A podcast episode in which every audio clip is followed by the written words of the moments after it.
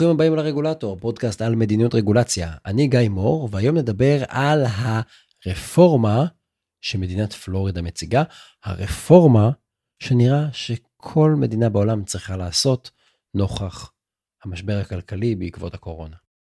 לפני בערך שנה וחצי, מושל פלורידה הרפובליקני רון דה סנטיס הוציא לפועל את אחת הרפורמות הרגולטוריות המקיפות ביותר שנעשו בשנים האחרונות במדינה, ובארצות הברית בכלל. רפורמה ברגולציה על רישוי מקצועות. פלורידה היא מהמדינות שיש בה את רישוי המקצועות מהמחמירים ביותר בארצות הברית. קודם כל רגע, מה זה רישוי מקצועות? רישוי מקצועות הוא רגולציה שקובעת שכדי שאדם יוכל לעסוק במקצוע מסוים, במשלח יד מסוים, הוא חייב להחזיק ברישיון.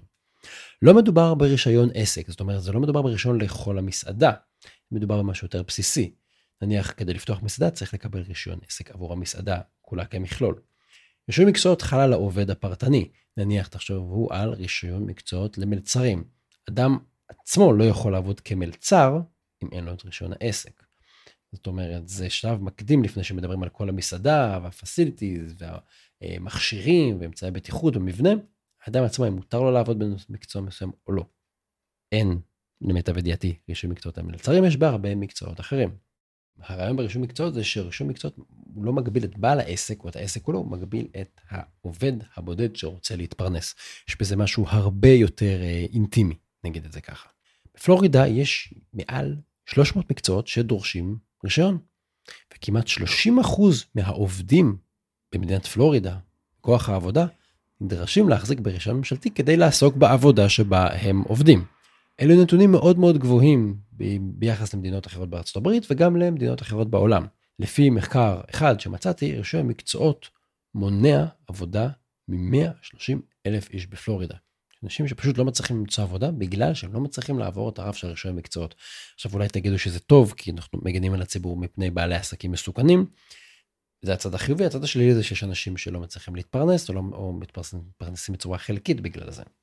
כי אם כדי להתפרנס, לא כדי להקים עסק גדול, כדי לעבוד כשכירים, אתם חייבים להחזיק ברישיון ממשלתי, זה אומר שאנחנו כחברה יצרנו חסם שמקשה על אנשים בכלל להיכנס לשוק העבודה.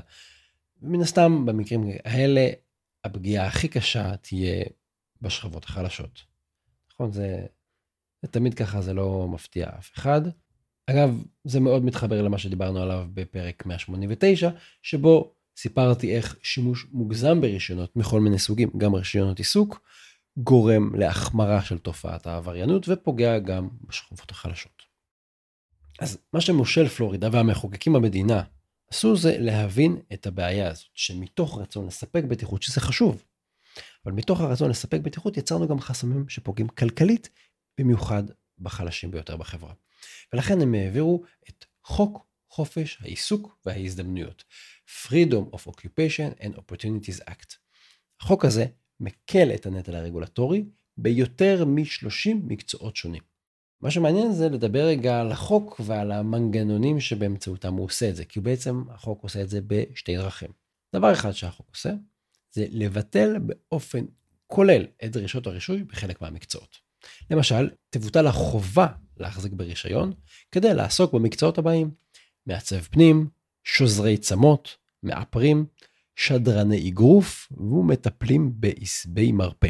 כן, כן, אם רציתם לשזור צמות בפלורידה, הייתם צריכים רישיון מהממשלה, שכמובן כרוך הרבה פעמים בהכשרה, במבחנים, תשלום אגרה, סטאז', דברים כאלה. ואולי יותר ביזארי, אם רציתם לשדר תחרות אגרוף, או להכריז את שמות המתאגרפים לפני הקרב, כן, בפינה הימנית מוחמד עלי, הייתם צריכים לקבל לפני זה רישיון ממשלתי, במקרה של משדרני אגרוף הייתם צריכים לשלם אגרה של 50 דולר כדי שיבחנו את הבקשה שלכם. אז זה מנגנון אחד, פשוט לבטל את חובת הרישוי עבור חלק מהמקצועות. המנגנון השני הוא הקלה והפחתה של דרישות הסף בחלק מהמקצועות. פה זו קבוצה של רישיונות שלא בוטלו, אבל יש שם הקלות משמעותיות. למשל, עדיין צריך רישיון כדי להיות ספרי שיער או לעסוק כקוסמטיקאים או קוסמטיקאיות, אבל הדרישות כדי לקבל את הרישיונות עיסוק האלה יופחתו. אז זאת רפורמה בעיניי מבורכת במובן הזה שקודם כל מסתכלים על זה שיש פה רגולציה שצריך לבחון אותה וצריך לראות האם באמת היא נחוצה או לא והאם התועלת ממנה מצדיקה את העלויות. ושוב, להסתכל על החלשים זה בעיניי אה, דבר שאנחנו לא עושים מספיק, במיוחד ברגולציה. אבל אז עולה שאלה אחרת. למה רפורמות הן כל כך נדירות? למה אנחנו לא מתקנים את הרגולציה לעיתים יותר קרובות? זאת אומרת, איך, איך הם נתנו ל-300 מקצועות ככה להצטבר, איך הם לא תפסו את זה קודם? אז מעבר לעניין המהותי שבו עוסקת הרפורמה, מעניין לראות גם את התנאים שבכלל מאפשרים לרפורמה רגולטורית כל כך רחבה לקרות. כי למרות שעולם הרגולציה הוא דינמי מתפתח וכל הזמן נוספות דרישות ויש תיקונים ודברים כאלה, רפורמות בכלל והקלה ברגולציה בפחת הם עניין די נדיר. קודם כל כי כמו כל תהליך בירוקרטי, גם קידום של רפורמה דורשת משאבים, הרבה משאבים, הרבה זמן, הרבה מאמץ, הרבה קשב של קובעי מדיניות והרבה הון פוליטי. חוץ מזה, בדרך כלל יש התנגדות מצד אה, קבוצות שמפחדות מהסיכון, וזה מובן, וגם יש התנגדות מצד העסקים שנהנים מהרגולציה הקיימת. הרבה פעמים יש עסקים שמפעילים לובי משמעותי כדי למנוע שינויים. למשל, יש בעלי מקצוע שנהנים מרישוי מקצועות מחמיר, כי הוא מנע תחרות במקצוע שלהם. נגיד אם אתם שדרני קרבות אגרוף, ואתם הצלחתם לעבור את המסלול של, אה, אני לא יודע מה הם עושים שם, אבל נניח של אה, תואר והכשרה מיוחדת וסטאז' ומבחן ושילמתם אגרה, אז העובדה שצריך לקבל רישיון אומר שפחות אנשים יהפכו להיות בשנה הקרובה שדרני אגרוף. זאת אומרת, תהיה לכם פחות תחרות, ומאוד נוח שאין לך תחרות. אותם בעלי מקצוע פשוט מפעילים לובי מאוד מאוד משמעותי, זה קרה אגב בהקשר הזה, אפילו לא משמעותי, גם נגד הרפורמה הזאת שעברה לפני שנה וחצי. ואגב, בחלק מהמקצועות הם אפילו הצליחו לגרום לזה שהרגולציה תישאר ללא שינוי, או שבמקום לבטל רישוי, מקצוע, רישוי על מקצוע ספציפי, רק יפחיתו את הדרישות. זה למשל המקרה של הספרים, ספרי השיער. אז איך בכל זאת הממשל בפלורידה הצליח להעביר את הרפורמה הזאת, גם אם זה לא בדיוק מה שהוא תכנן במקור. אז סיבה מרכזית אחת שהרפורמה הצליחה, זה המשבר הכלכלי בעקבות הקורונה. לא מחדש לכם שעיתות משבר כלכלי מצריכות רפורמות, אבל הן גם הזדמנות לרפורמות רחבות במשק. אם אתם מצליחים לשכנע שהרפורמה הזאת יכולה לעזור להתאושש או לחלץ את הציבור מהמשבר, יש הרבה יותר סיכוי שהיא תזכה לתמיכה מהציבור, תקבלו גיבוי, והתמיכה הזאת מהציבור הרחב היא קריטית כדי שתוכלו להתמודד עם ההתנגדות של הלובי של בעלי האינטרסים. וזה מה שמושל פלורידה בגדול הצליח לעשות.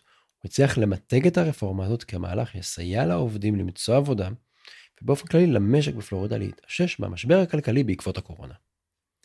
חוץ מזה, גם בזמנים של שגרה, חוקים, צריך להגיד שבזמנים של שגרה, חוקים, גם חוקים חשובים מאוד, נתקעים בלי סיבה.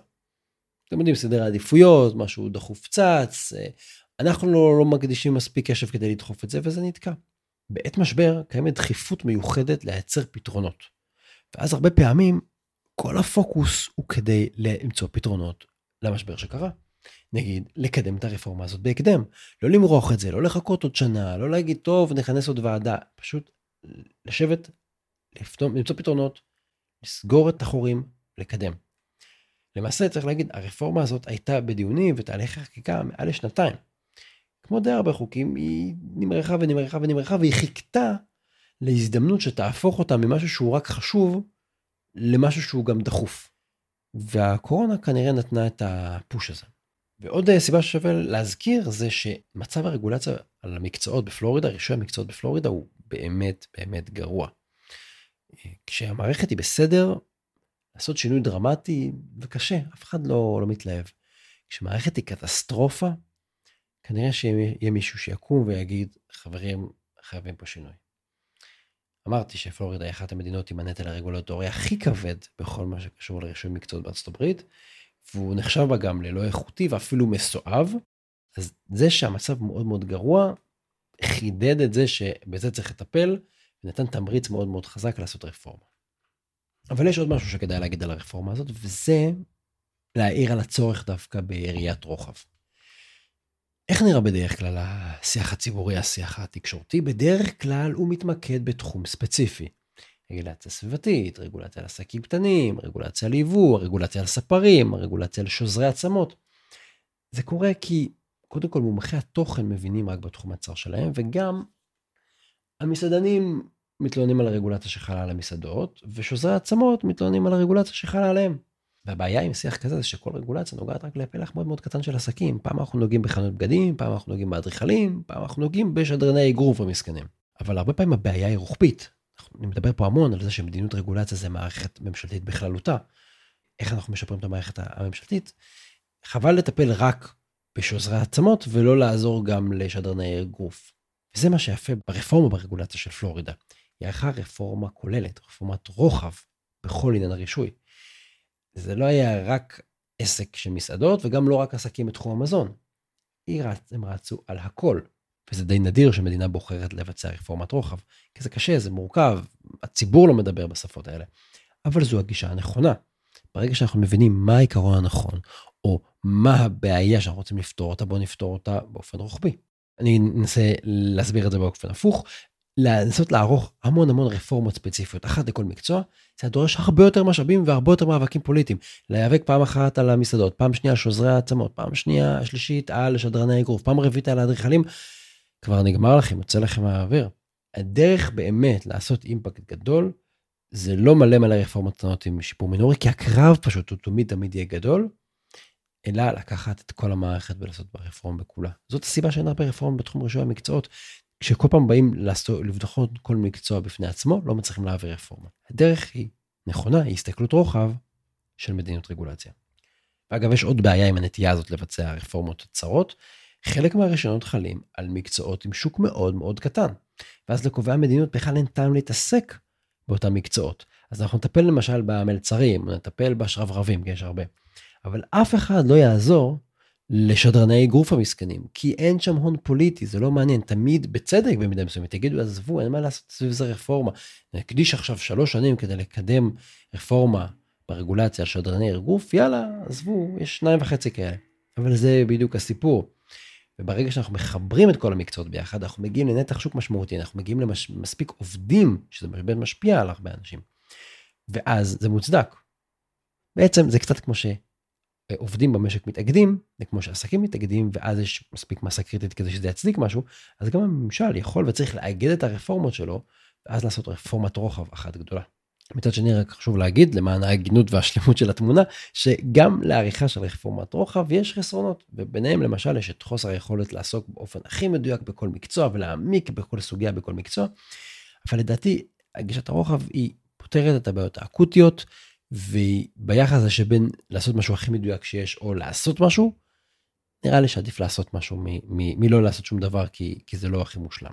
וזה בעצם בעיניי השיעור המאוד גדול שאנחנו יכולים ללמוד מהרפורמה הזאת של מדינת פלורידה. ואנחנו רוצים שהרפורמה תקרה ובאמת תשפיע, אנחנו צריכים לא רק לחכות להזדמנות לחכות למשבר, אנחנו צריכים רפורמות רוחב עם השפעה משמעותית. מצד שני צריך לזכור שכמה שהיללתי את רפורמת הרוחב הזאת, הם נגעו ב-30 מקצועות מתוך 300. הם נגעו ב-10% במקצועות ויש להם עוד הרבה מאוד עבודה. אז גם רוחב אפשר להתרחב יותר.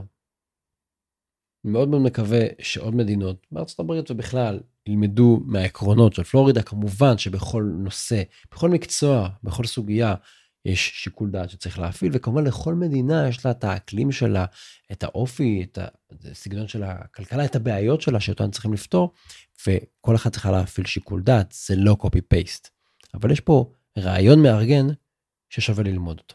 תודה שהאזנתם לפרק הזה של הרגולטור אני גיא מור הפוסט הזה.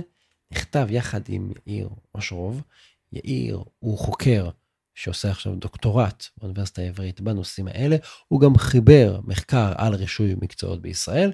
ראיינתי את יאיר בתחילת שנת 2020 על סוגיית רישוי המקצועות בישראל, אתם מוזמנים להאזין או לצפות. יש אה, לינק באתר האינטרנט regulator.online, יש שם גם אגב את הלינקים ואת הבסיס לכל הרשומה הזאת, כולל המקורות, המחקרים וגם הרפורמה עצמה של פלורידה שהזכרתי כאן.